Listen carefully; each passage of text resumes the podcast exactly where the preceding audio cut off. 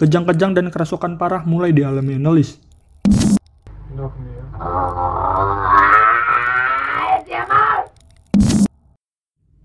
Cek cek. Oke, Prambos Podcaster bersama What Happened Podcast. Halo semuanya, this is your host Ahmad Fatoni dan selamat datang buat kaula muda yang baru mendengarkan serta selamat datang kembali untuk orang-orang penasaran.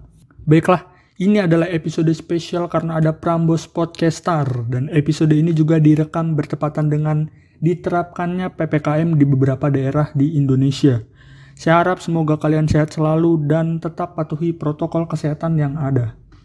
Baiklah, di episode kali ini gue bakal bawain sebuah cerita horor yang berkaitan dengan peristiwa kerasukan dan eksorsisme atau biasa disebut dengan rukiah.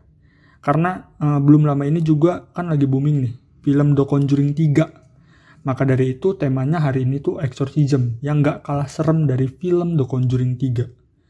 Tapi ngomong-ngomong soal exorcism, gue juga pernah punya pengalaman tentang uh, kerasukan-kerasukan gitu. Jadi gue pernah tuh nolongin orang kerasukan, gue baca-bacain doa, tapi malah gue yang mual gitu. Malah gue yang mau muntah, malah gue yang pusing. Sampai gue mikir, ini apa iman gue kalah dari jin gitu. Iya sumpah.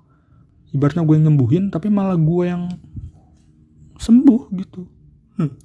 Oke langsung aja hari ini kita akan membahas sebuah kisah yang berjudul The Exorcism of Annelies Michel, yaitu kisah tragis seorang gadis yang dirasuki oleh enam iblis. Oke, langsung saja kita mulai Prambos Podcaster X What Happened Podcast. Annelies Michel lahir pada tanggal 21 September 1952 di Bavaria, Jerman. Annelies tumbuh di lingkungan keluarga yang taat beragama. Ia juga dikenal sebagai pribadi yang baik. Kehidupan masa kecilnya juga menyenangkan, sebagaimana anak-anak seusianya. Bahkan, Annelies juga dikenal sebagai anak yang berperilaku baik dan tidak pernah membuat masalah. Tragedi dimulai pada tahun 1968, saat usianya tepat menginjak 16 tahun. Saat itu, ia pingsan dan tak sadarkan diri. Karena takut akan terjadi sesuatu, orang tua Annelies langsung membawa anaknya itu ke dokter untuk diperiksa. Berdasarkan pemeriksaan yang dilakukan, Enlis ini berada dalam kondisi yang baik-baik saja. Saat itu tidak ada prasangka buruk yang terlintas di kepala kedua orang tuanya. Mereka berasumsi bahwa Enlis mungkin saat itu sedang kelelahan. Namun, pada bulan Agustus di tahun berikutnya, yaitu pada tahun 1969, hal itu kembali terjadi lagi. Kali ini Enlis pingsan disertai dengan kejang-kejang. Saat itu, Annelies merasa bahwa dirinya tidak dapat mengendalikan tubuhnya sendiri. Ia juga mulai berhalusinasi dan mengaku bahwa ia mendengar bisikan-bisikan misterius di kepalanya. Saat diperiksa, seorang dokter di klinik saraf Wolfsburg mengatakan bahwa ia menderita serangan epilepsi. Selain itu pula, Annelies didiagnosis mengalami semacam gangguan jiwa yang akhirnya memaksanya menjalani perawatan di rumah sakit jiwa selama setahun. Selama perawatannya di rumah sakit, bukannya semakin membaik, keadaan Annelies justru malah semakin memburuk. Ia justru semakin stres dan frustasi pada keadaannya. Untuk menenangkannya, dokter pun mulai memberikan berbagai obat-obatan yang ternyata sama sekali tidak memberikan hasil positif pada perkembangan kejiwaannya. Setelah setahun lamanya berada di rumah sakit jiwa, Enlis akhirnya kembali ke rumah. Saat itu keadaan Enlis mulai membaik. Bahkan dia sempat menamatkan pendidikannya dan berhasil menjadi lulusan terbaik di tahun 1970, meskipun penyakit yang dideritanya masih sering kambuh. Tragedi kembali muncul pada tahun 1973 ketika Annelies berusia 21 tahun. Kejang-kejang dan kerasukan parah mulai dialami Annelies. Ia mulai bertindak di luar akal sehat, seperti melukai dirinya sendiri, menyerang anggota keluarganya, merobek-robek pakaiannya sendiri, hingga memakan lalat dan laba-laba. Menurut kesaksian, terkadang Annelies juga terdengar menggonggong. Bahkan ya, dia juga sering mendengar suara-suara bisikan yang mengatakan bahwa dirinya akan masuk neraka.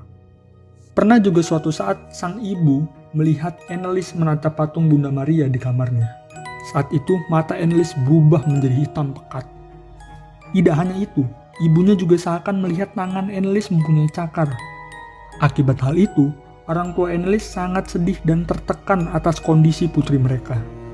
Berbagai cara telah dilakukan oleh kedua orang tua Enlis agar Enlis sembuh, namun upaya itu tidak membuahkan hasil. Bertahun-tahun Annelies mengalami hal itu, sampai pada suatu saat ketika sedang berziarah, seorang wanita tua menghampiri Annelies. Saat itu, ia menyadari ada keanehan pada diri Annelies. Hal itu disadarinya ketika Annelies berulang kali menghindar ketika melewati lukisan Yesus. Annelies juga menolak ketika diberi air suci dari sumber mata air suci. Wanita itu juga mengatakan bahwa ia merasakan ada aura yang berbeda ketika berada di dekat Annelies. Karena hal-hal yang berbau mistis mulai bermunculan, Ibu Annelies mulai meminta tolong kepada tokoh agama, Father Rodwick, seorang pakar pengusir setan atau eksorsism.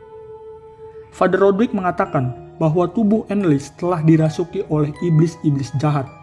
Namun, Father Rodwick menolak ia tidak mau melakukan eksorsism terhadap Annelies tanpa alasan yang jelas. Karena ditolak oleh Father Rodwick, Akhirnya, orang tua Annelies meminta tolong kepada dua orang pastor setempat yang bernama Arnold Rons dan Ernest Out. Proses eksorsisme dimulai pertama kali pada tanggal 24 September 1975 dengan waktu satu atau dua kali dalam seminggu. Setiap sesi berlangsung hingga 4 jam lamanya.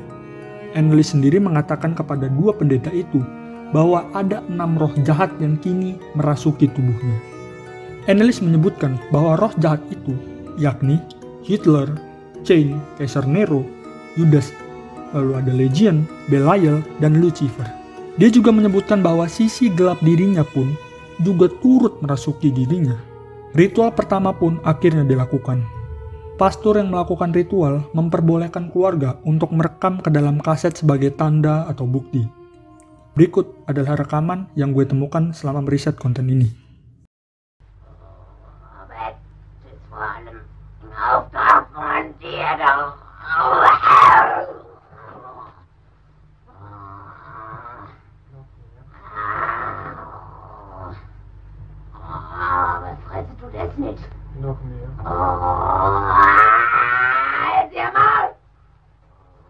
Pada salah satu bagian dari rekamannya, iblis-iblis itu menyatakan bahwa alasan mereka ada di sana yaitu karena mereka memiliki hak atas tubuh Annelies. Dan dia juga mengatakan bahwa dia akan menetap lama dalam tubuh itu hingga membuat pemiliknya berteriak kesakitan. Selama proses ritual ini berlangsung, keadaan Annelies mulai semakin memburuk. Ia mulai meracau tentang kematiannya dan juga menolak semua makanan dan minuman dengan alasan iblis yang ada di dalam tubuhnya menolak makanan dan minuman itu. Hal ini membuat tubuh Enlis menjadi semakin kurus. Belum lagi, ditambah dengan berbagai tindakan Enlis pada tubuhnya, hingga menyebabkan dirinya hampir tidak bisa berjalan dengan normal lagi. Setelah ritual eksorsisme dilakukan beberapa kali dalam kurun waktu satu tahun, kurang lebih sudah sebanyak 67 kali sesi eksorsisme dilakukan setelah sesi terakhir, tepatnya pada tanggal 1 Juli 1976, Enlis akhirnya menghembuskan napas terakhirnya. Namun, menurut otopsi, Enlis ini meninggal akibat dehidrasi parah dan kekurangan gizi.